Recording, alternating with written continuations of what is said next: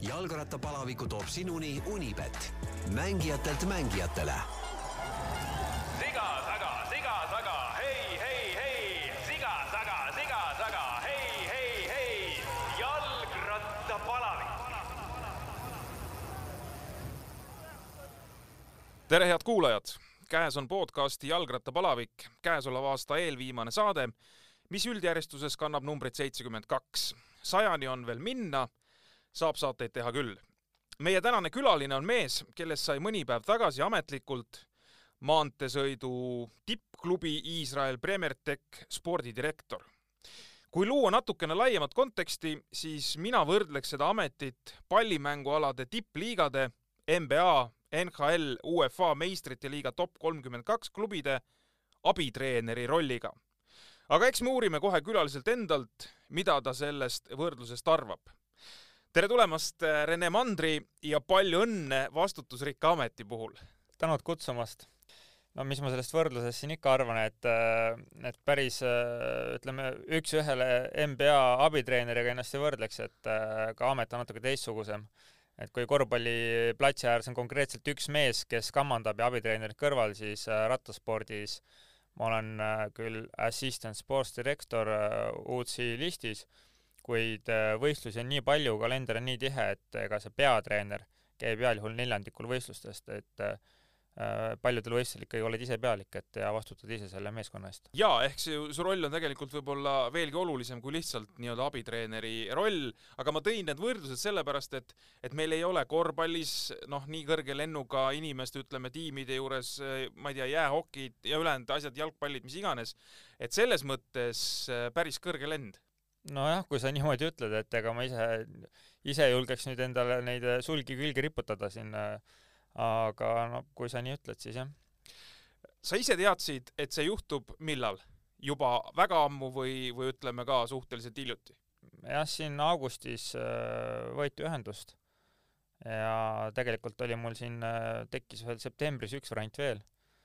Ja ega ma vaagisin seda asja tükk aega, sest äh, kodus oli ka ju rattaklubi, mida vaja eest vedada ja ja pidi ikkagi nagu ütleme jah, sisemise teadmiseni ka jõudma, et, et mis saab siis sellest kohalikust rattaklubist ja ja kas no sellepärast ma muretsen, et ma sinna lähen, et see on nagu liiga suur väljakutse, et ma ei saa hakkama, et ma olen suhteliselt enesekindel eluaeg olnud, et ma ei põe. pigem nagu jah, see, see natukene pani võib-olla muretsema, et mis siin saab. Aga noh, mingi hetk, mingi hetk ma ikkagi jõudsin selguseni, et siin inimesega suheldes, et saab see kodune asi väga ilusti edasi mindud, et ja tegelikult äh, see spordidirektori töö, see on see, millest ma nagu viimasel ajal hakkasin ikkagi palju puudust ka tundma, sest äh, kuna klubi tasandil ma pidin päris palju muid asju ära tegema, siis ma enam ei olnud võib-olla nii hõivatud või kaasatud selle sportliku poolega, et äh, seal oli ju Jaan Kirsipoe Tom Slaksis meil. Ja, ja, ja noh, selline kõrgemale tasemele tagasiminek oli ka võib-olla see, mis suurde struktuuri ja meeskonda, et see oli ka, mis tõmbas, et ja kuna kutsujaks oli endine äh, võidusõit ja mu väga hea tuttav Zack Dempster, kes küll läks meeskonnast ära, see oli kõigile üllatus tegelikult, siis äh, ma otsustasin Iisraeli kasuks jah, et äh, sinna minna ja ja ütleme, mulle öeldi ka, et ei ole paremat aega kui praegult meiega ühinemiseks, sest äh, rohkem äh, kehvasti asjad olla ei saaks et siit saab ainult üles minna äh,. Zack Dempster läks siis ise mingisse teise tiimi? jah, ma täpselt kommenteerida ei oska või ei hakka ka, aga no ütleme nii, et ju, ju hea mees osteti üle okei okay., ma alguses kujutasin ette, et sinu poole pöördus, kui sa rääkisid, et augustikuus nii-öelda võeti kõne peale, pöördus äh, Iisraeli meeskonna peamänedžer Kiel Kaaström, soomlane, kes on siis seal ka ikkagi juba mitu-mitu aastat olnud, eks? ma ei tea, kas päris algusest peale, vist mitte? selle meeskonna juures, et ühesõnaga tema käsi mängus ei ole? ei, tema käis jah mängus ei ole, et äh, talle nagu söödeti ikkagi minu nimi ette, aga noh, selge see, et me, ma siis täpsustan mitte kell, aga tšell. et äh, kuigi eestlastele ja soomlastele meeldib ta kelluks kutsuda. Et aga tšell jah, siis äh, loomulikult me tunneme üksteist väga hästi ja ja ta ka siis ei kõhelnud, kui mind ette sööti, et et teeme ära. aga see ei olnud päris niimoodi nipsust, et sa, ma saan aru, sa pidid käima ka eksamitel või pidid läbima mingid kursused? jah, käisin Eeglis äh, UCI keskuses äh, viis päeva kursused, viimasel päeval siis äh, oli eksam, kuuskümmend viis küsimust, seitsekümmend protsenti pidi õigesti vastama, et läbi saada ja kogu see kursuse intensiivsus ja mahutavus oli ikkagi päris ehmatav, et äh, Jaan Kirsipuu ka seal kunagi käis ja siis rääkis mulle noh, natuke tol ajal juba, mis seal oli ja nüüdki, et noh, et ei ole hullu midagi stiilis. aga nad on ise jah, seal ikka igast asju välja mõelnud, et elu spordidirektoritel keerulisemaks teha, et see eelmine aasta kukkus viisteist tükki läbi. kaasa arvatud äh, seal Tour de France'i võitnud meeskonna spordidirektor, et äh, selles mõttes ei ole üldse nagu jah, naljaasi. ma olin ikka siiralt üllatunud, et, et see programm nii intensiivne oli ja tuleb tunnistada, et koolitust viisid läbi ka ju mitte pedagoogid, vaid äh, kohtunikud. et see on ka, noh, see ikka jättis oma mulje, äh, sellise komakoha sinna juurde kohe, et äh, et oli, oli veel kordades raskem seda läbida tänu sellele, aga ei, sain ilusti hakkama jah, et põhimõtteliselt te pidite tundma reeglistikku me pidime kõik algusest lõpuni teadma, et äh, ma võin nüüd praegult UCI äh, kongressist äh, viimase sekretärini kõik lahti lahata, kui vaja, et et mis seal kõik nagu pähe pidi ajama, antidopingu aastsetini kõik, mitte ainult protseduurid, vaid kogu süsteemi, kes kus mida vastutab ka, et et see oli jah, täiesti üllatav, et taheti teada selliseid asju, mis eeldaks, et ka tiimimänedžer peab teadma, et sul on ju alati see reglement, millest minna järgi kontrollida, aga aga jah, tuli välja, et peab kõik pähe ajama, et see viie päevaga kuussada lehekülge, seal ei jõudnud isegi nagu järgi lugeda enam pärast korralikult enne eksamit, et et äh, oli jah, päris selline huvitavad viis päeva.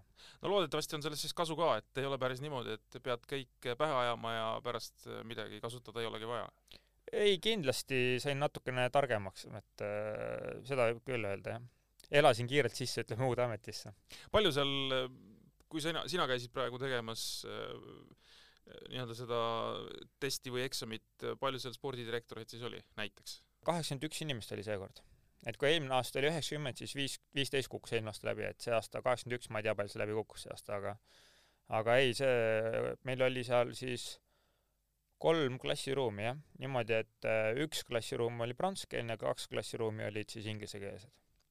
said positiivse tulemuse ja, ja siis äh, olid täieõiguslik äh, Iisraeli tiimi liige jah, ega peale eksamit oli teadmatus suur, sest äh, küsimused olid ikka sellise trikiga pandud, et äh, tükk aega põdesid, et huvitav, kas nagu said pihta või ei saanud, aga jah, pärast oma tulemuse protsenti nägin, see oli meeldivalt ikka üllatunud, et, äh, et ei läinudki nii palju mööda. aga läksid siis enam-vähem kohe tiimi juurde, teil oli, ma saan aru, värskelt Hispaanias kokkusaamine, et panite siis juba järgmise aasta plaane paika? jah, täpselt nii, jah. no sain nädalavahetuseks kaheks päevaks koju naise ja laste juurde ja siis äh, panin juba edasi, jah, et eks see sügisene äh, aeg olegi spordidirektorite jaoks ikkagi selline töine ka, et äh, sa pead ju uut aastat ette valmistama, et kui ratturid veel natuke haigutavad ja hakkavad mõtlema, et hakkaks trenni tegema, siis spordidirektoritel juba töö käib tegelikult täie hooga. sa enne juba mainisid, kui me siin rääkisime sellest abitreeneri rollist, kes noh, põhimõtteliselt nagu väga palju ei vastuta, aga sa pead hakkama nüüd mingitel sõitudel kindlasti kandma ka seda rolli, et peadki olema mingil sõidul noh, nii-öelda see mees, kelle otsa vaadatakse või, või kes siis äh, suhtleb ratturitega ja räägib, mida me teeme ja millised on plaanid ja nii edasi, ühesõnaga kõik on, ütleme, otsustamise mõttes nagu sinu õlul siis äh, võib naljamisi öelda, et sa oled nüüd siis väikest viisi, ma ei tea, mingi viis protsenti Chris Froome'i äh, ülemus, Jakob Fuglsangi ülemus, Michael Woodsi ülemus. jah, saab ka nii olema, jah. et äh, ootad sa, et saaks nende suurte ässadega koos võidusõidule minna ja, ja näha siis, kuidas nad, äh, ma ei tea, käituvad, reageerivad, no mis iganes või sa pigem pelgad, et äh, võib-olla alustuseks oleks parem, kui oleks mingid väiksema kaliibriga mehed? ei, seda ma ei pelga küll, et äh, võidusõit on võidusõit ja võidusõit on võidusõit. ja spordidirektori töö on lihtne, sa pead selle ütleme, läbi hammustama selle antud hetkeolud, kes on su vastased, milline rada, mida oma mehed suudavad anda ja siis parima tulemuse ära tooma, et et see on lihtne, et seal ei pea nagu jah, väga emotsionaalsele tasandile minema, et on konkreetsed käskused ja mehed peavad asja täitma ja kui ei täida, siis üldjuhul saavad nemad pikupäid jalgu, nii et ega siin äh, selles mõttes ma ei põe, jah.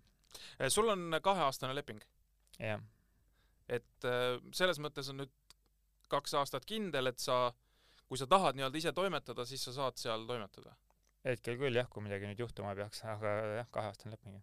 Kas äh, spordidirektoril ja spordidirektoril on vahe ka, et ma saan aru, et Steve Bauer on teil seal nii-öelda spordidirektorite pealik, eks, et äh, sa ise mainisid ka, et noh, heal juhul võib-olla ühele neljandikule sõitudele tema kuidagi kaasa, kaasa läheb, et äh, ülejäänud spordidirektorid, neid on vist seal kümmekond, kõik on siis nii-öelda võrdsed? meil, meid on seal kaheksa ja tegelikult on siis sporting manager on meil Rick Verbrügge, kes on ka endine võidusõitja, ka juba mõned aastad olnud äh, Iisraeli äh, tiimis. ta, ma olen teda võistlustel näinud korduvalt Nations Cupidel, sest ta oli ka mõnda aega Belgia kuni kahekümne kolme aastaste treener nagu minagi. nii et me põgusalt üksteist teame. ja tema siis äh, vastutab põhimõtteliselt selle kalendri kokkupaneku eest ja siis võistluskorraldajatega nagu suhtluse eest ja ja aitab ka siis äh, management'i äh, ütleme siis võistluskorraldajaga läbirääkimistel, sest seal äh, suurte võistlustega peab läbi rääkima ikkagi, et päris nii ei käi, et saadad kutse ja siis ootad, kas tuleb vastus, et seal on oma protsess. ja noh, eks tema aitab ka siis kuigi määra neid rattureid tiimi valida management'il. ja siis tema kõrval jah, on siis äh, Steve Bauer, kes siis äh, tegeleb just spordidirektoritega, et noh, tema ülesanne on siis äh, mehed ära jagada, kes kuhu mida, mis ülesannetega ja nii edasi, et ta on siis justkui minu otsene pealik, jah. Äh, see on rohkem nüüd Iisraeli tiim või ta on rohkem Kanada tiim? no jah, nimi on Iisrael, tegelikult mehed tulevad Kanadast. seal jah, performance manager, kes treenerite poole peal tuleb Kanadast, peasponsor tegelikult tuleb Kanadast ja nii edasi, et ka teine nimisponsor tuleb meil Kanadast, et Äh, Kanada rattureid on meil palju ja meil üldse on Austraalia, Uus-Meremaa, Kanada, Ameerika kontingenti tiimis palju, et äh, kogu suhtlus käib inglise keeles, et jah, ütleme Iisraelist on seal kindlasti kõva jupp ja, ja Iisraelit me seal promome, aga aga jah, ta on ikkagi päris tugevate selliste Põhja-Ameerika sugemetega. Iisrael annab äh, arvestatava osa eelarvest? ja arvestatava osa eelarvest annab Sylvain Adams et, et see on tema soov, et Iisraelit kui siis äh, edukat IT-riiki promotaks, et äh, aga noh, nüüd ongi Premier Tech on juurde tulnud seal Kanada poole pealt juba mõned aastad, et siis see startup nation on justkui nagu unarusse jäänud, et on Iisrael Premier Tech. ma ei tea, mis selle tiimi eelarve on, aga noh, eeldada võib, olles kursis siin enam-vähem nende numbritega, mida ajakirjanduses on välja käidud, et siin tipptiimidel võib olla nelikümmend pluss äh, miljonit Äh, eurot eelarve, silmas on peetud siis eelkõige Ineose meeskonda, et teistel eeldatavalt siin vähem, aga, aga no selline circa viisteist äh, miljonit äh, eurot äkki võiks olla Iisraeli meeskonna eelarve, arvestades, et seal on ka mõni väga kõrgepalgaline rattur vähemalt, mis numbrid on jällegi läbi käinud. kas see masinavärk, mis seal on, sa oled juba rääkinud, noh, tegelikult on see nagu, nagu suur masinavärk, eks, et see, see ikkagi toob selle raha nagu tagasi või, või kui neid raha sinna pannakse, kas, kas seesama see Adams näiteks ei, ei loodagi, et, et see kõik nagu tulu tooks, et et lihtsalt mulle meeldib rattasport, on ka selliseid klubi omanikke olnud, kes ongi nii-öelda omast taskust lihtsalt maksnud, nad tunnevad mõnu, et neil on selline noh, nii-öelda mängukann olemas, mõni tahab omada jalgpalliklubi, mõni rattaklubi, et on see ikkagi selline noh, projekt, mis, mis peab ennast nagu ära tasuma jah, et üldjuhul ikkagi äh, müüa, äh, siis toetajad ostavad tiimidelt seda reklaamiaega, mida nad Eurospordist ja mujalt kanalitest saavad, et need rattaspordiülekandeid on meeletult palju ja ütleme, see rattasport Holland, Belgia, Prantsusmaa, Itaalia, Hispaania, see on ikka ülipopulaarne. ja need vaatajanumbrid on seal meeletud, et äh, ja no loomulikult kõigi eesmärk on Tour de France, kus on siis väidetavalt isegi seal üle maailma siis globaalselt kaks biljonit jälgijat mingi, mingil hetkel, eks ole, et et noh, või no ütleme, kahte biljonit inimest siis äh, justkui puudutakse sellega, et see on noh, meeletu spordisündmus, millest kõik tahavad osa saada. ja kõik, ütleme, sellised väiksemad klubi toetajad, äh, noh, väike on siin, ütleme ka teinekord on väike, aga siin viissada tuhat või miljon, siis äh, nemad ikkagi kõik hoiavad pealt, et noh, Tour de France'il nad nähtavad oleks. et see annab neile ikkagi sellise ekstra väljundi kohe. loomulikult nüüd konkreetselt see Silvana Adamsi projekt on äh, ka mõnes mõttes ühiskonnale tagasiandmise projekt, et äh, tema, ta näiteks nüüd loob ka siin naiskonna, kus äh, kus on võetud ka siis ütleme, sõjapõgenikke äh, Afganistanist või, või, või, või tüdrukuid Rwandas, kes alles lapsekingades rattaspordi mõistes, aga et ta, tem-, tema jaoks on see ka nagu ühiskonna, ühiskondlik projekt, et ta et selliseid, selliseid mehi nagu tema on ikkagi vähe, et enamasti ikkagi otsitakse seda, seda tulemit seal taga, seda reklaamiraha seal taga. põhimõtteliselt on niimoodi, et ma saan aru, kui tiim saab juba Tour de France'ile peale, siis äh, tegelikult äh, toetajate jaoks peaks olema kõik juba hästi. jah, üldjuhul küll jah, et äh, see Tour de France on ikkagi selline tõmbenumber, et peaaegu et pool rattaspordist. ma ei tea, kuidas Iisraeli meeskonnal järgmisel aastal Tour de France'iga on, sel aastal oli siis relegation race või ühesõnaga välja langesid osad meeskonnad sellest World Touri tasemelt või kuidas seda nüüd täpselt nimetada, ma vaatan selle klubide paremusjärjestust ja seal on siis Lotto Sudal, Iisrael, Premier Tech, Total Energy ja Uno X Pro Cycling Team on siis praegu joone all. ma saan aru, seal on vist mingid variandid, et osad tiimid saavad ikkagi järgmiseks aastaks wildcardi.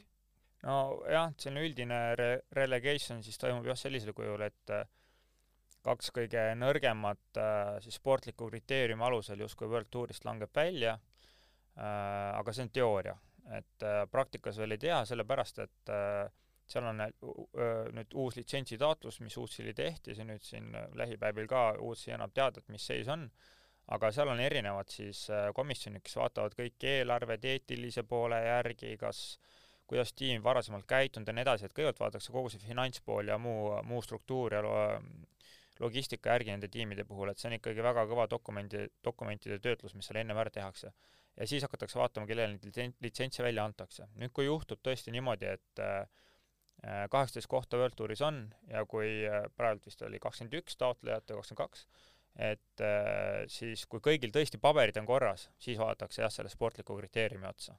et oota, ootaks selle ära, siis vaata, siis vaadatakse edasi, et okei okay,, kui sportliku kriteeriumiga siis, millest nüüd ajakirjanduses on palju jahunud, et kui selle alusel nüüd klubi välja langeb, siis äh, on äh, järgmine äh, aasta, et need, kes välja langevad World Tourist, lähevad automaatselt Pro Teamside hulka. ehk nüüd reglemendis on kirjas, et kaks parimat Pro Teamsi saavad ikkagi kõigile võistluste peale täpselt samadel alustel nagu World Tour. et seal suurt erinevust ei ole, saab ikkagi need suurtuurid, klassikud kõik. Ja kolm parimat sellest Pro Teamsist saavad kõikidele World Touri klassikutele peale ehk ühepäevasõitudele peale.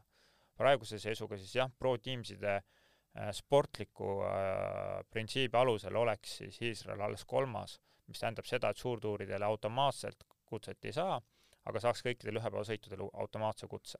ja samas võib saada wildcard'i ikkagi suurtuuridele ka? jaa, ja võib wildcard'i saada, no, no arvestades, et Iisrael see aasta võitis kaks etappi Tour de France'il äh,, Prantsuse klubisid äh, ei jää sinna listi, kes wildcard'i taotleks, võib-olla kui siis see Jerome Pinot projekt, mis praegu tundub pigem pankrotti minemas äh,, siis ütleme nii, et väljavaated ikkagi Tour de France'i jaoks on suhteliselt head, et äh, saame näha jah, et hetkel veel ei ole ühtegi kinnitust, et äh, ei oska jah rohkem kommenteerida. kas see, kas see paneb kuidagi löögi alla ka, et noh, ma saan aru, teil ongi suur tiim, aga, aga võib-olla need resultaadid siis no sellel aastal või siin tegelikult see reiting on ju võetud kaks tuhat kakskümmend kuni kakskümmend kaks vist mingi kompleksselt kuidagi.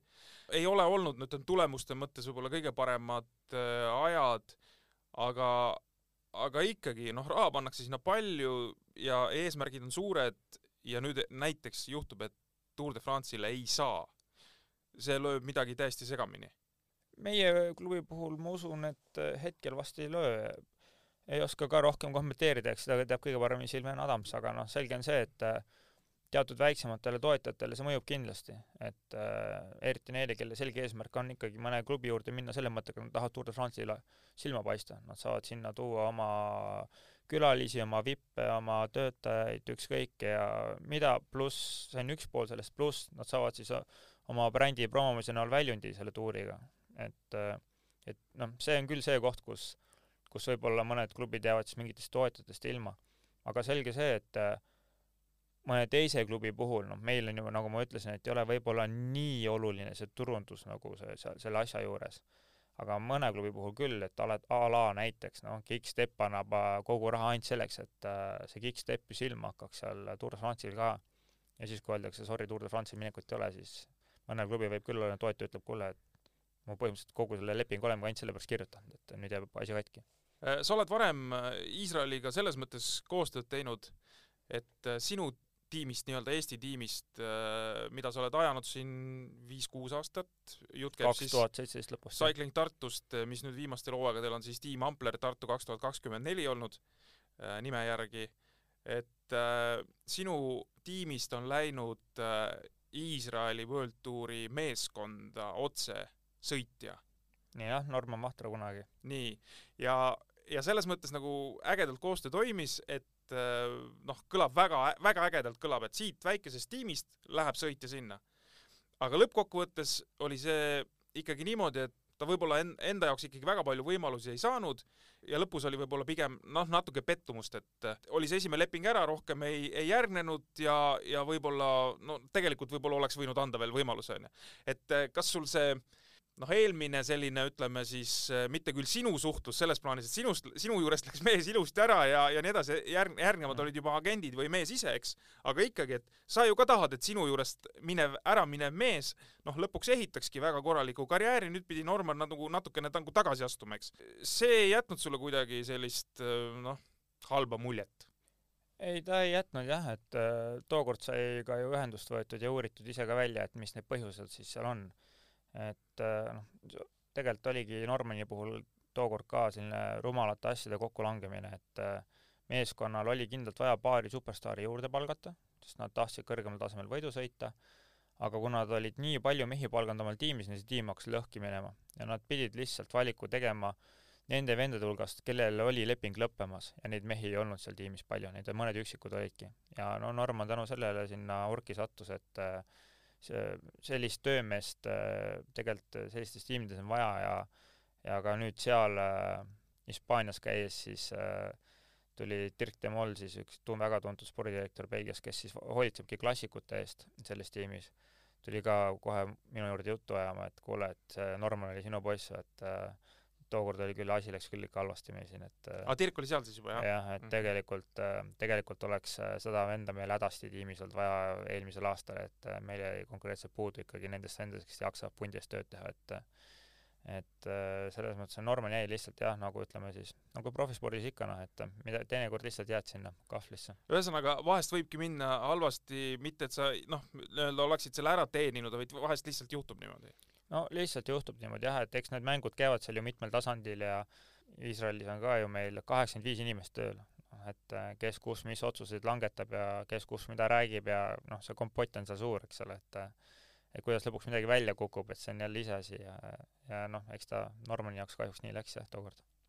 Äh, muide, Dirk de Molliga sa võid rääkida, ta on kunagi sõitnud koos sellise mehega kui Jaanus Kuum ühesõnaga esimese Eesti profiga, kes siis äh, nii-öelda vabasse maailma läks ja, ja sõitma hakkas, nii et äh, Dirk de Molde eestlastest, ma arvan, kuigi noh, Jaanus oli toona Norra kodakondne, aga küll sa selle selgeks teed talle, et, et tegelikult oli Eesti mees. see väike tiim, mis siin Eestis on ja see suur tiim, mis seal Iisraelis on, öö ja päev? no ei, me siin äh, võrdlema küll midagi ei hakka, et siin ei ole mida võrrelda, jah. mida võrrelda, on see, et äh, samamoodi mehed, kes tahavad rattaga sõita samamoodi on vaja võistlusel käia ja samamoodi on vaja see äh, see plaan paika panna ja, ja poisid ära treenida, eks ole. aga noh, jah, kõik muu, ütleme, võimalused on ikkagi noh, nii kardinaalselt erinevad, et seal ei ole mida võrrelda. meeskond, raha loeb, ma pean silmas ikkagi, oleme veel korra seal Iisraeli tiimi juures, et et äh, selles mõttes raha loeb, et äh, kõike ei saa endale lubada või tegelikult on niimoodi, et kui midagi vaja on, siis no vahet ei ole, palju see maksab? number üks on sportlik pool, kutid peavad saama perfektse ettevalmistuse ja vastava võistluskalendri. no seal ei jää mitte midagi vajaka raha taha, noh, see on juba esimene asi, mis meil siin jääb, eks ole. et äh, no loomulikult lõpuks on see, et äh, mingi eelarve on ikkagi fikseeritud ja kallid või suured kulud ära tehakse, siis võib-olla nende väikeste kuludega hakatakse teinekord rumalalt kokku hoidma stiilis, et ärme osta nii head triiksärki spordirektoritele või ärme osta poistele nii häid sokke või noh, lõpuks ikka taandub sellele välja, eks ole sest äh, raha puu otsas ka ei kasva. aga jah, meil eelarve on suur, aga meil on ka üks võidusõitja, kes võtab väga suure osa eelarvest ära praegult ja palju raha on klubil selle all kinni. et äh, noh, jah, loodame, et mingil hetkel selles valguses läheb paremini. jutt on siis Chris Froome'ist? jah, jutt on Chris Froome'ist, jah. jaa, et ta, tal on muidugi pikk leping vist, eks või? jaa, ta on kaks aastat sõitnud ja ta sõidab kolm aastat veel, et äh, eks ta ole ikkagi selline kõva reklaaminägu, et äh, Kris välja ilmub, siis äh, rahvas teab väga hästi, kellega tegu. kas sportlikku tulemust tasub ka sealt oodata veel? no ta ise on veel äh, väga, väga suur optimist, et et loodab, et tuleb välja sellest olukorrast, kus ta on hetkel, et hetkel jah, kõige paremini läinud jala, aga aga saame näha, et äh, ei oska rohkem kommenteerida, pole veel mehe endaga kokku puutunud. muide, see Iisraeli tiim siis äh, loodi kaks tuhat viisteist, äh, väike kontinentaaltiim, noh, hakkas kasvama ja nii edasi, on praegu jõudnud siis päris kõrgesse mängu välja. ma võin eksida, aga mulle tundub, et äh, Eesti mees on selles tiimis võitude osas number üks no ma arvan, et Mihkel Reem on kindlasti see number üks praegu võitud. ma arvan, et on. ma, ma ei tea päris, no täpselt, aga kuna Iisrael viimastel aastatel või tiim ei ole väga palju võitnud, siis ma arvan, et see võib olla, ma vaatasin üle, peaks olema neliteist UCI võitu. no täiesti võimalik jah, eelmine aasta läks ju tervel meeskonnal täiesti aia taha, et äh, ja seal need kõvemad saarid on ka ju suhteliselt hilja alles liitunud meeskonnaga, et äh, ega ja, ja pluss selliseid sprintereid neil ei ole, kes selle võitu võtab praegu. aga noh, loomulikult seal on nagu noh, vahe sees, et kas sa, mis tasemel see meeskond parasjagu on, nagu sa ise ütlesid, et nad hakkasid ikkagi väikesest klubist arenema. Absoluutselt. mingil hetkel oli seal päris mitmeid eestlasi, oli sõitjaid, oli taustajõude, praegu oled sa ainus? jah, hetkel ma olen ainus. mul on seal üks kolleeg Lätist, keda ma juba Reetumu Delfini aegadel tundsin, Peeter Pruusi siis äh, naine, elukaaslane. et tema on füsio, kiropraktik või? on jah ja. mm? -hmm et ta on meeskonna väga hinnatud nelina seal jah, et äh, no paneme siis temast üks... räägitakse ainult head. paneme üks koma viis eestlast siis või ma arvan, et võib panna küll üks koma viis, jah. kas äh, sinu positsiooniga nüüd, ma ei taha öelda, et sa lähed sinna ja kohe hakkad rääkima mingit juttu seal, et äh, kuule, võtame Eestis selle, teise ja kolmanda, mis esiteks ei ole mõistlik ja teiseks äh, vaatavad, et äh, kurat, võtsime vist ise ka vale venna, et hakkab mingit hullu juttu ajama kohe seal. aga põhimõtteliselt kui sa nüüd teed selle ukse lahti, lähed sinna, oled praegu seal tiimis, võib-olla astud edasi kusagile teise tiimi, nagu Säkiga läks äh, sinu kunagise tiimikaasa, Enduras sõitsite koos, eks onju? jah. jaa. et lähed teise tiimi, see võiks ju mingil hetkel kuidagi uksi avada meie sõitjatele ka no see ava, avaneb uks av,, avardab uksi igal juhul, aga tingimusel, et on mehed, keda nagu sellisel tasemel sõitma panna ka. või naised. või naised jah, et selles mõttes, et iseendal ei ole mõtet karuteenet teha ju, et äh, pigem ikkagi räägid nende meeste ees, kes on, äh, keda sa näed, et nad on võimelised päriselt seda võidu sõitma. sa praegu näed Eestis, no lihtsalt me, me ei räägi sellest, et sa nüüd hakkaksid ke kedagi kusagile sokutama, aga põhimõtteliselt sa näed praegu noori rattureid, äh, kelle eest nagu oleks mõtet seista? no jaa, meil on siin natuke juba vanemaidki mehi, kes hetkel lepinguta veel on, et kes sellel tasemel igal juhul veaksid välja, et selles mõttes kindlasti jaa, ei on küll, jah. põikame korraks MM-ile selles plaanis, et äh, noored sel aastal tegid väga vingeid tulemusi meil ja väga ootamatu oli see, et, äh, et me siin eraldi startides äh, väga tugevasti tulime pildile, lisaks me saime ju noh, ma rääkisin praegu MM-ist, aga Euroopa meistrivõistlustel noored said ju selles segateatesõidus said ka medali. me oleme siis kuidagi nagu uue laine peal või et et äh, meil on selline hea plejaad tulemas ja, ja me võiksime siin, ma ei tea, järgmise viie-kümne aasta osas olla väga lootusrikkad? jah, no kui rääkida nendest noortest, siis ikkagi nagu läheneks väga nagu ükshaaval ja personaalselt igaühe puhul, et me ei saa nüüd äh, üldpilti justkui võtta, et Eesti rattasport elab superhead elu ja klubid teevad meeletult head tööd, mida nad kindlasti ka teevad. aga kui rääkida konkreetsetest noortest, siis noh, malevad tüdrukud äh, ikkagi on sellise taustaga, kus isad on kätt pulsil kõvasti hoidnud ja ikkagi juba lapsest saati aidanud tüdrukutel sinna välja jõuda, kus nad on. et selline kodune ja peretoetus on väga suur ja ka tegelikult Frank-Harron Ragil on samuti kodune taust väga tugev. et seal on ikkagi kõik selle nimel tehtud, et äh, poiss oma võimaluse saaks. Mm, ja ka EM-i medalist rääkides, siis seal muidugi olid meil äh, võistkonnas ka Lauri Tamm ja Oliver Rüster poiste poole peal, et ei olnud kõige kõvemad äh, justkui stardis, kui vaadata meile nimekirjale otsa, keda meil siin Eestist võtta on, et äh, seal pigem ikkagi näitasid, et jah, seda kandepind, kandepinda meil justkui on, et tüdrukud tegid loomulikult oma sõidu ära ja nad olidki igal juhul väärt seda ka kuldmedalit seal tookord. ja, ja tegelikult see kuldmedal olekski tulnud, sest ka poisid tol päeval tegid sellise sõidu, et äh, lihtsalt Lauri, Lauri keti äh, maha tulemise taha jäi puhtalt siis võit, et see tookord nagu ma julgesin ennustada küll, et me võime medalile sõita, et äh, ma nägin, et see on selline viis-kuus tiimi, kes äh, medali peale lähevad, et pronks on täitsa reaalne, aga noh, pärast oli ikka väike tükk kurgus küll, mõtlesin, et pagan, et äh, et kuld jäi noortel tulemata, et see oleks nende jaoks ikka väga mõnus olnud, et kindlasti Lauri ja Oliveri jaoks oli ikka see suur üllatus ja noh, tegelikult tüdrukute isadega tookord koos seal olles, ega ega nad olid väga skeptilised enne sõitu, et kas tüdrukud üldse peaks täiega panema seda või nii edasigi, et et aga ei, lõpuks olid kõik ülirahul ja et ikkagi keskenduti sajaprotsendiliselt võidusõidule ja, ja võeti maksimum välja, et see oli kihvt. Me saame tegelikult nende noorte osas rääkida siis natukene, nagu sa need nimed juba siin äh, mainisid, kes äh, tulid Euroopa meistrivõistlustel pronksile, siis äh, Romet Pajuri me saame selles mõttes ka siia juurde panna, et nemad on siis ütleme noh, kas siis klubide või siis Audentese kaudu pildile tulnud, et, et et osaliselt on, on meil tulnud sellised säravad noored nii-öelda pereprojektidena, teisest küljest on ikkagi tegelikult nagu läbi selle süsteemi ka tulnud, eks?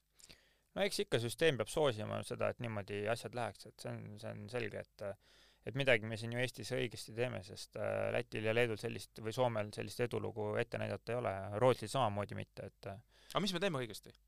on, on see teada ka, mis me teeme õigesti või?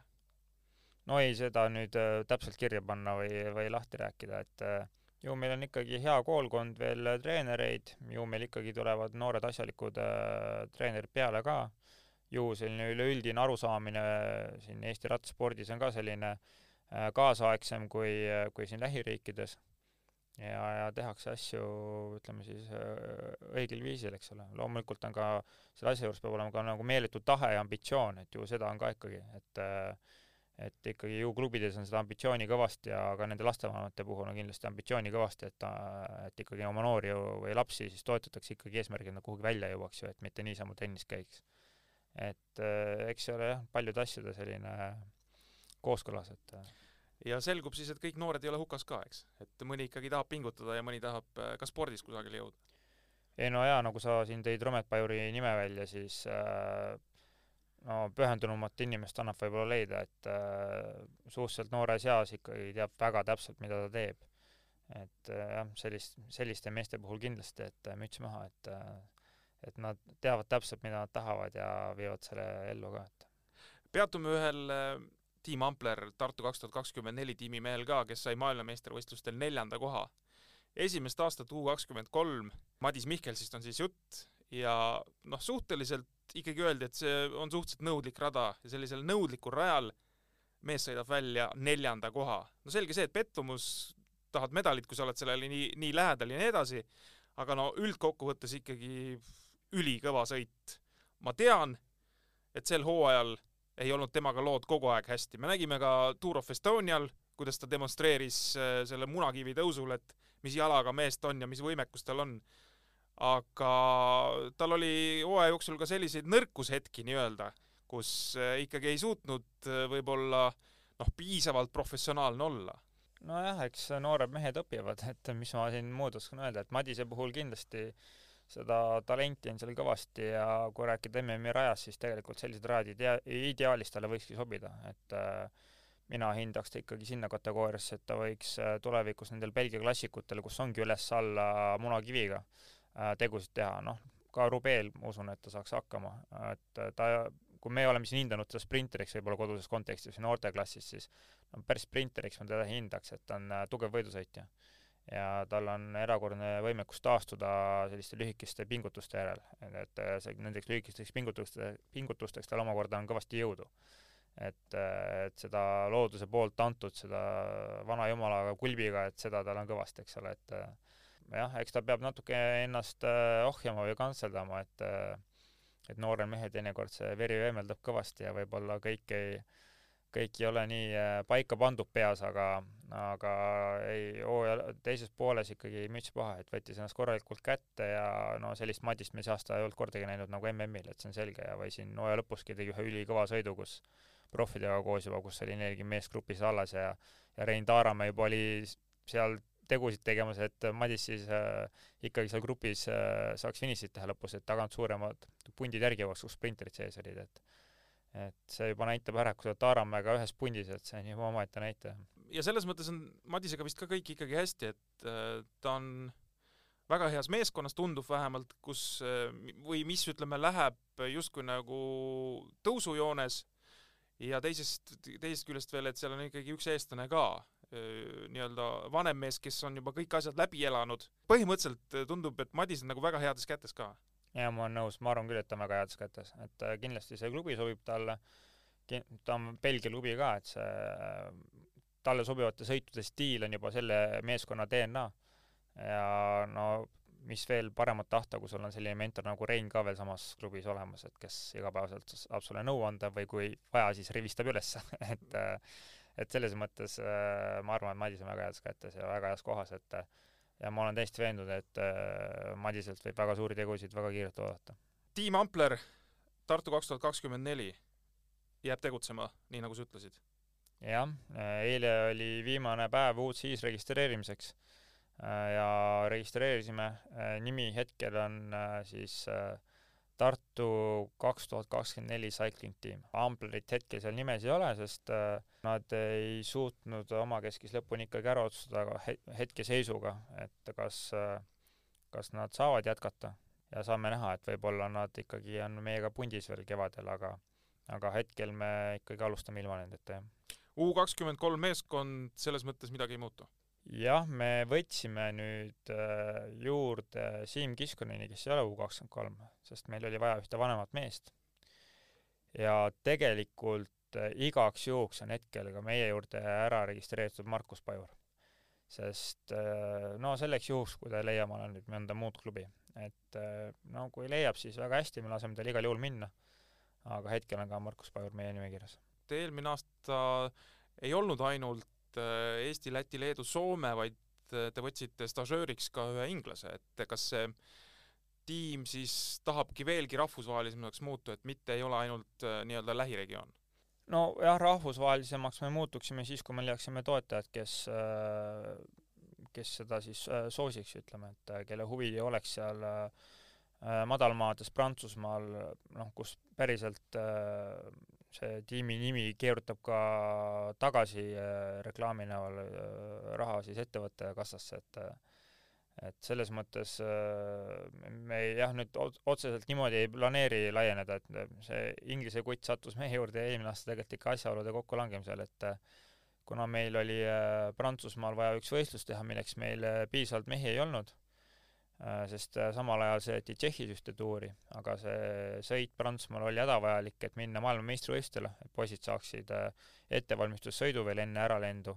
tegemist oli siis Grand Prix La Sommiga, kus lõpuks meil Aivar Smikutis oli kolmas ja Rait Härm võitis vist? Rait Härm võitis veel tookord koguni selle sõidu jah, et Rait teenis tänu sellele sõidule tegelikult omale uue lepingu välja Rubees ja meie Aivar Asju läks Šveitsi tuudori järelkasvu meeskonda ja ka sellel kolmandal kohal oli väga suur äh, nagu roll, sest nädal aega ennem oli ta Tour of Flandersil kolmas. selle Briti kuti juurde tagasi tulles, siis tegelikult äh, kuna võistlus oli Prantsusmaal, siis ma küsisin Saint-Étienne'i äh, rattaklubist ühte kuni kahekümne kolme aastast prantslast laenuks.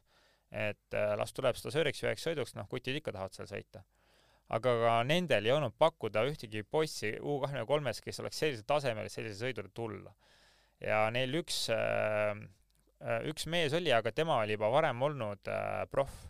ja ma ei saanud stažöörina võtta meest, kes juba on olnud proff. ja siis jäigi see Šoti poiss jäi üle. kutil endal oli igal juhul tahtmist tulla ja siis võtsime tema. sel aastal palju koosseis, ma saan aru, et päris palju vist koosseis muutub või? jaa, et eelmisest aastast jääb meile alles neli poissi.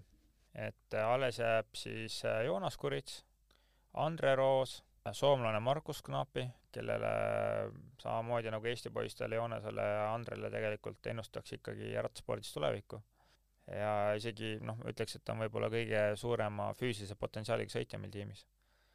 ja Läti poiss Alex Krast, et samamoodi me siin ka Eesti sõitudel ju teda nägime, et et selles, selles mehes on kindlasti sisu, et ja, ja ma usun ka, et ta murrab meie siit seinte vahelt välja juba järgmise hooajaga, nagu ka teised mehed kes siis meil äh, alles jäid, aga siis on kuus uut meest jah, et äh, nagu ma siis ütlesin, et Siim Kiskonen võeti kapteniks, äh, Markus Pajur on hetkel nimekirjas, et saame näha, kas ta jääb või ei jää. ma muidugi hoian pöidlalt, et ikkagi leiab omale suurema tiimi, et Pajuri koht kindlasti ei ole meiega, et see on see on jah, natukene väga kurb, et see praegu niimoodi on läinud tema jaoks, et tal ei ole järgmiseks aastaks meeskonda. ja siis kaks noort leedukat tulevad Äh, leedukad on tõelised korvpallur, korvpallurid, üks kutt on kaks meetrit pikk. ah, on kahemeetrine jah jah, et elus esimest korda pidin tellima jalgrattaklubile, mille raam on XXL, et selles mõttes ja tüüp küsis veel, kas sada viiskümmend pikendust ka oleks, et skott teeb sada nelikümmend on maks. et selles mõttes väga huvitav kuju saab olema, aga tuleb juunioride klassist nagu teinegi. et siis Jomantos, Venskus ja Rokas Adomaitis on nimed. Pidid väga head kutid olema. ma korra põikan vahele, kahemeetrine tüüp, väga vahva vend võib-olla, nii edasi. see kuidagi ei takista. ei no mingites elementides kindlasti takistab, et äh, loodusjõud teevad oma, et gravitatsioon teeb oma, et et selge see, et see aerodünaamika ei ole see, mis nagu võiks olla ja ja nagu kui sa oled kakskümmend meetrit, siis sa kaalud ka vastavalt, eks ole, et siis sa ikkagi oled siin üheksakümne kilo ligi, et äh, et vastumäge ikka naljalt ei lähe sellega või siis ma ei tea, mis ulmejõud seal olema peab. aga no eks ta siledatel sõitudel oli ikkagi nagu oma kaart mängida ja võib kuskil äh, sprindirongides, kui ta saab kõvaks meheks, ta võib ikka, ikka ulmevedur olla, eks ole, et selliseid on varemgi nähtud, et et noh, kõik on kuti enda kätes ikkagi lõpuks, et et loomulikult mitmepäevasõitjat me edasi ei looda. siis sinna lisaks veel on jah, meie enda ju Aaron Aus ja Lauri Tamm, kes ka juunioride klassist tulevad. et äh, ma usun, et nendes mõlemas on kõvasti isu ja tahtmist, et äh, ja Aaron Aus on siis Lauri Ausi vennapoeg. on küll jah, et äh, sugulus täitsa olemas, isegi äh, teatud selline kehahoiak ja selline stiil on olemas, et äh, et äh, on näha, et on ausalt suguvõsast. Teil on ikkagi jah, selles mõttes väga, väga hea ajalugu ette näidata, et päris paljud mehed on tiimist välja lennanud, et kas sa ise oled vahest mõelnud ka, et äh, mis mis see nagu toimib siis või, või mille koosmõju see on, et tegelikult võib öelda, et on hästi läinud? nojah, me ei tahaks nagu iseennast ka nüüd kiita, eks ole, ülemäära, et aga ju me ikkagi midagi oleme õigesti teinud, et äh, sest noh, fakt on, fakt on see, et tegelikult võiks olla ka niimoodi, et eh, noh, ongi see nii-öelda noorteklubi, aga, aga noh, ei, ei lenda keegi välja, sellepärast et noh, lihtsalt ei jää silma ja, ja lihtsalt nagu noh, teistele ei tundu väga atraktiivne, aga, aga see, teil on ikkagi noh, nii-öelda aastast aastasse mingisugused tüübid seal, kes eh, kusagil avaldavad muljet.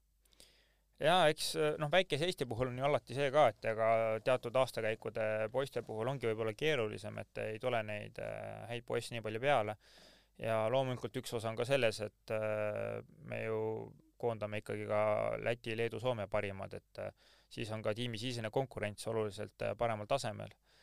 Ja noh, selge see, et juunioride klassis sa pead ikkagi olema päris kõva tegija, nii nagu meil on siin ütleme, Romet Pajur või Madis Mihkels olid, et neil neil tekib võimalus äh, kohe otse edasi kuhugi minna, eks ole, et et äh, paljudel seda võimalust kohe ei teki juunioride klassist ja kuigi tulevikus ma arvan, tekib aina rohkem ja rohkem, sest äh, nüüd ka World Touri tasemel vaadatakse aina rohkem esimese klassi juunioreid juba või esimese aasta ja tehakse juunioreid. juunioride tiime ka, eks. tehakse juunioride tiime, pannakse silm peale juba nendele poistele, kes kuueteistaastastest välja tulevad sinna juuniorisse. esimene võistlus on ära, juba on seal äh, Performance Masteris esimesed tulemused laua peal ja juba sealt hakatakse sorteerima, et kes keda kuskil Stravas näeb või et millega vennad tegelevad ja juba hakatakse silma peal hoidma, et tegelikult see ülevaade on ikkagi päris hea ja ja enam-vähem on võimekused teada, et et kes, mis, milleks võimeline ja et tegelikult tulevikus ma usun, et on juba lihtsam ka siit juunioride klassist nagu Eesti poistel edasi minna ja ja võib-olla mingi hetk enam sellel äh, meie Continental tiimil nagu päris sellistega jah, ei olegi enam tegemist, kes juuniorides tegijad on. aga kõik ei avane juunioride klassis, kõik ei avane nii noorelt ja ikkagi on väga paljusid, kes avanevad alles seal kakskümmend, kakskümmend üks, kakskümmend kaks vanuses. Et selleks on äh, see Cycling Tartu ikkagi, ma arvan, õige koha peal. mis selle tiimi jätkuv selline suurem, suurem eesmärk on, et ikkagi võimaldada siis äh, noortel kusagil silma jääda, et eelkõige eestlastel või, või tegelikult ei ole vahet, et ükskõik, on eestlane, leedulane, lätlane? oleks Eesti suur riik, kus on palju raha ja oleks meil siin päriselt suured ettevõtted olemas, siis loomulikult ei seaks madalamat eesmärki kui üks päev Eesti meeskond on Tour de France'il. Aga noh, olgem nüüd äh, kahe jalaga maa peal, siis äh, meie eesmärk saab olla ainult see, et koolitame noori ja aitame neil leida siis parima võimaliku väljundi. et äh, mida rutem nad meie juurest edasi lendavad, seda parem on ja seda paremini me oma tööd oleme teinud, et et see nagu noh, kaadrivoolavus on justkui suur, et ainult neli poissi jääb eelmisest aastast, aga noh, tegelikult eks see meie eesmärk ju ole ka, et alt mehi peale koolitada, vaadata, kas tuleb sinna ütleme profimaterjali või ei tule.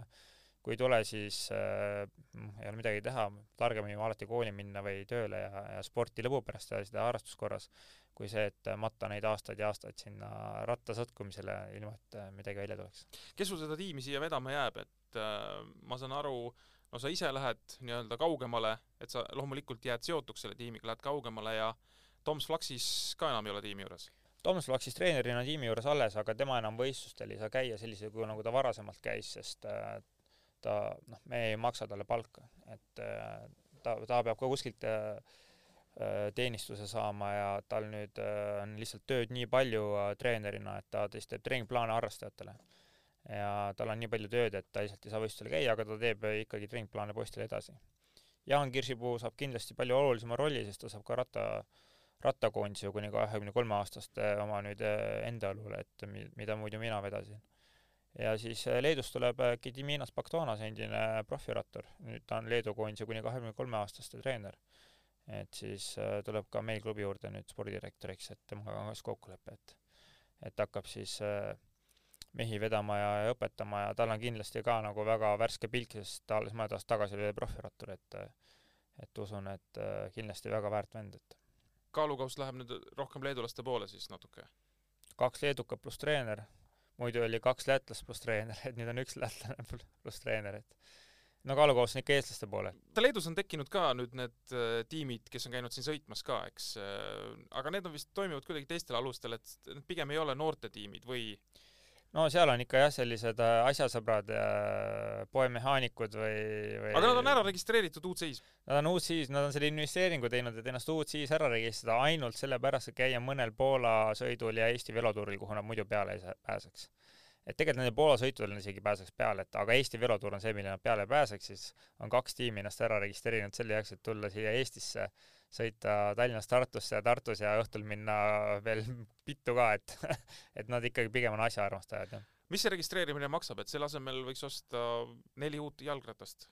Ta otseselt äh, mingi ulmekallis ei ole, et no reglement näeb ette selle, et sa maksad selle litsentsitasu, mis on mingi neli pool tuhat, sa pead kõik ära kindlustama, noh, mis läheb mingi kümme tuhat juurde ja siis äh, veel pangagarantii on miinimum mingi kakskümmend tuhat, et äh, noh, jah, selle ütleme, mingi kulu ikka on, eks ole. kalendrid, värgid jäävad kõik enam-vähem sarnaseks, nagu teil on olnud, et äh, ei ole vist ka sellist, ma ei tea, erilist vajadust, et peaks midagi kardinaalselt teistsuguseks minema? jah, et kui me siin mõned aastad tagasi võitsime päris palju ja võitsime siin kaksikvõite ja nii edasi, noh, kui ka Norman pundis oli siis eh, hetkekalendri juures meil on seda ikka väga raske teha, sest me sõidame sellisel tasemel võidu, et eh, et ikkagi enamus kalendrist üritame rihtida sinna Hollandisse, Belgiasse, Prantsusmaale. et eh, Poolas noh, pigem mitte, juba sellepärast, et see võidusõidukultuur on seal nii teistsugusem kui Euroopas. lisaks sellele siis, kui seal võidad, siis hakka silma kellelegi. et noh, Norman pani kaheksa sõitu Poolas kinni stiilis ja siis äh, pidi ikka veel võitlema, et kas kuskilt tiimile jääb siis, kui nüüd Aivar Smikutis meil seal Flanders Tomorrow tuuril näitas head sõitu, oli kokkuvõttes kolmas ja Lassomil kolmas ja juba oli mitu telefonikõne, et äh, kuule, mis vend on, eks ole, et selles mõttes äh, ikkagi ra-, päris rattasport on seal ja suurte tiimide silmad on sinna, et äh, et seda vähem nagu jah, meid, meid näeb kahjuks ka kodus jah, et aga no ma loodan, et meil toetajad ikkagi saavad aru, et meie eesmärk on ju aidata noori, et äh, mitte see, et oleme kodus kuningad, et äh, et üritame ikkagi aidata noori, et nad väljundi saaksid seal. Äh, üks asi, mis selle aasta sõitudes silma jäi, ma olen seda sult nii-öelda omavahelises vestluses varem ka küsinud, oli see üks velotuur Prantsusmaal, kus äh, te sõitsite väga kõvasti meeskonnasõitu. Te ei võitnud seal ära te olite teised, see oli vist mingi kaksteist kilomeetrit või midagi sellist, lühike meeskonnasõit, aga see keskmine kiirus, mida te seal näitasite, et ma noh, umbes selle mõttega sult küsisingi, et et viiskümmend kaks keskmist, äh, Eesti mehed sõidavad nii kiiresti, et äh, mis seal siis oli, kas seal oli alla tuul või, või sõitsite alla mäge? ja sa ütlesid, et ei, et elu ongi läinud selliseks, et noh, tulebki olla sellisel tasemel. peabki olema sellisel tasemel jah, et äh, et see konkurents on läinud hästi-hästi tihedaks äh, ka kuni kahe, kahekümne kolme aastastes.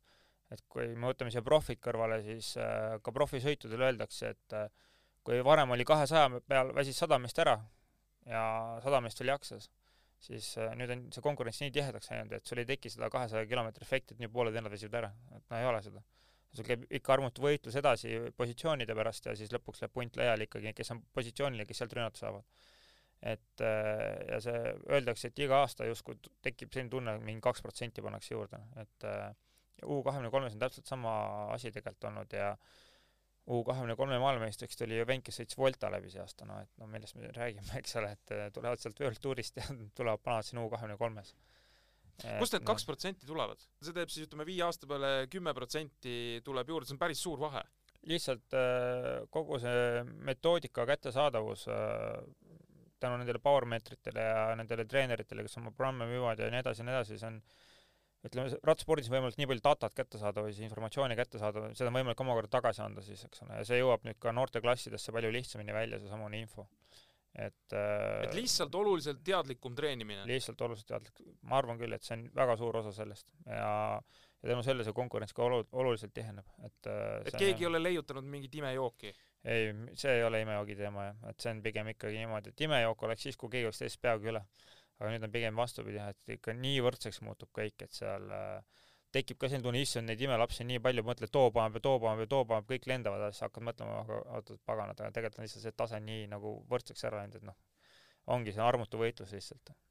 ja see, ja see noorte esiletõus, noh, me räägime siin juba, et kahekümneselt ollakse suurtuuril poodiumil et äh, see on siis ka kõik seesama teooria, mida sa praegu rääkisid, et ütleme siis noh, piltlikult öeldes, et vanasti seda kaustikut ei antud veel noortele, mille järgi need vanad mehed treenisid, aga tänasel päeval lihtsalt see info on noh, nii laialdaselt kättesaadav, neid kasutatakse noh, väga teadlikult, väga oskuslikult ja see kõik juba toimib väga varajasest peale. no vanasti oli ka nende vanade meeste puhul ikkagi väga palju katse-eksitusmeetodit veel, et äh, ega see päris kõike veel järgi ei olnud nagu testitud siis ega tänapäevalgi kõiki ei ole järgi testitud, aga ütleme, see teadmine ka seal vanade meeste juures ju oluliselt suurem, kui tol ajal oli, et et need mudelid on ikkagi väga paigas, et äh, kuidas mida tegema peab. Ja eks need noored teavad, et nad tahavad välja jõuda, siis nad peavad ikkagi väga professionaalselt käituma, et äh, seal ei ole lihtsalt teist valikut, noh, sa ei saa lubada endale ka mingeid päevi, kus sa oled väsinud või natuke tõbine või ükskõik, et sa pead kogu aeg valmis olema ja, ja kui sa valmis ei ole, siis sa saad lihtsalt haledalt kolki, et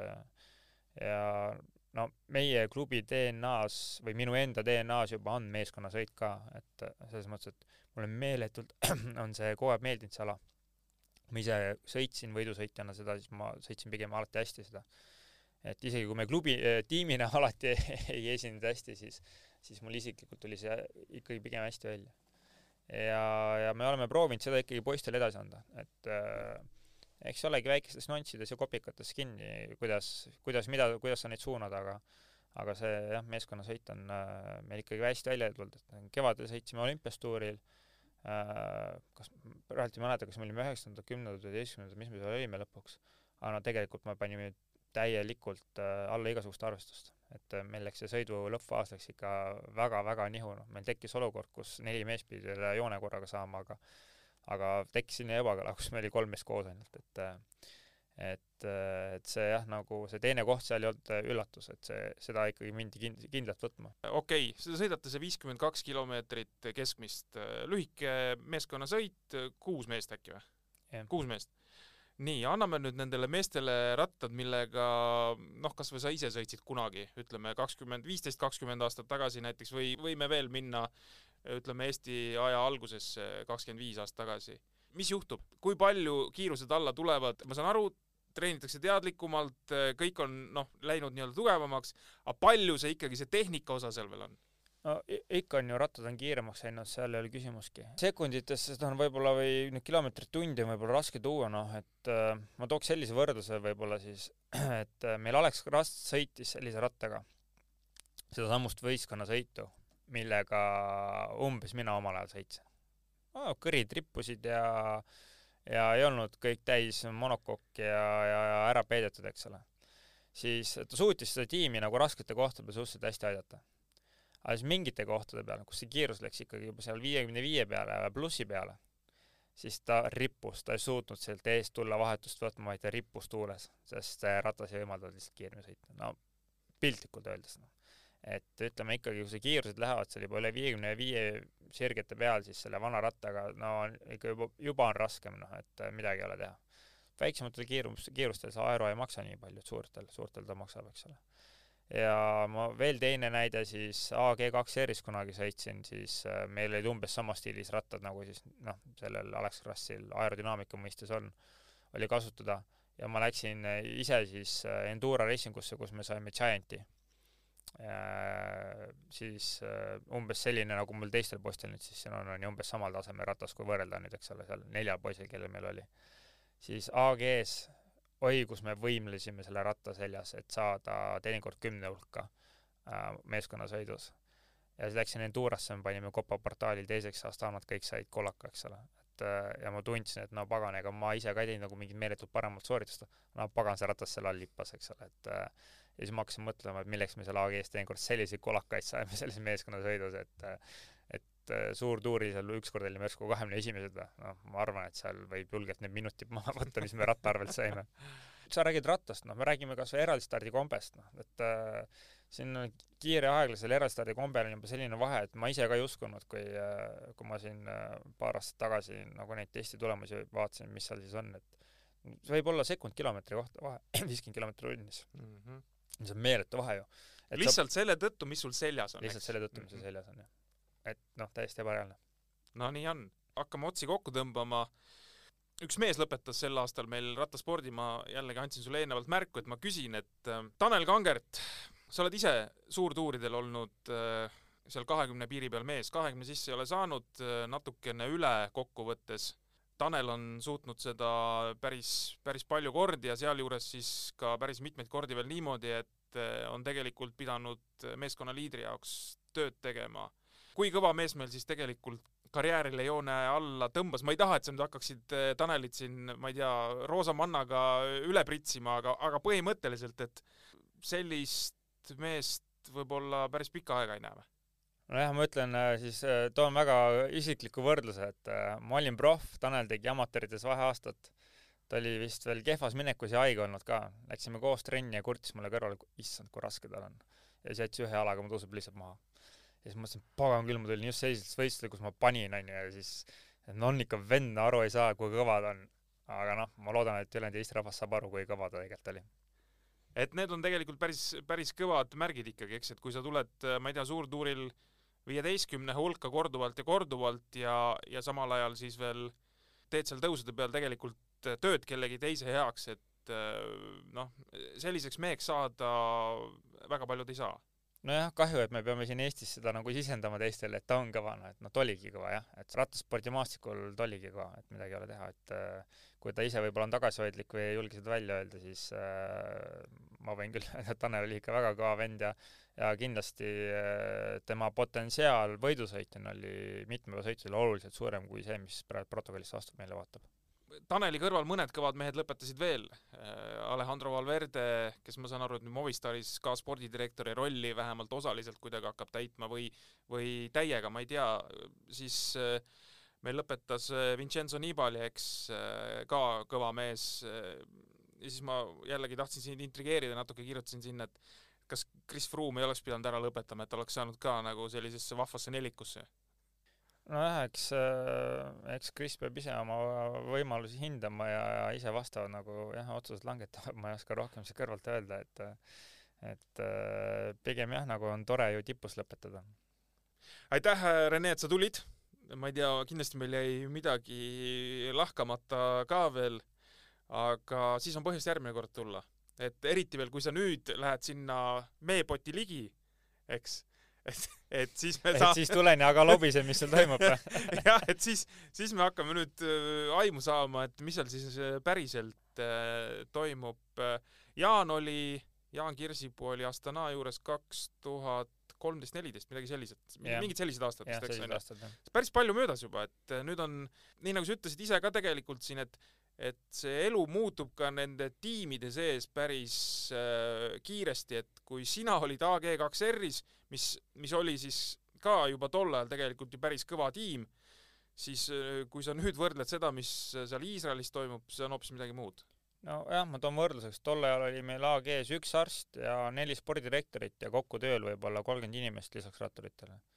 noh, nüüd on meil tööl kaheksakümmend viis inimest, kaheksa spordidirektorit, seitse arsti, kõik oma ala spetsialistid, et ei ole nii, et on üks üldarst ja ja nii edasi, nii edasi, et noh, see on jah, see ütleme, see masinavärk on meeletu, et äh, seda tulemust toota ja sellepärast ka see konkurents läheb nii tihedaks, et ongi nii tihe, et et kõik saavad oma taustajõud taha, et äh, ja igast millimeetrist võetakse maksimum.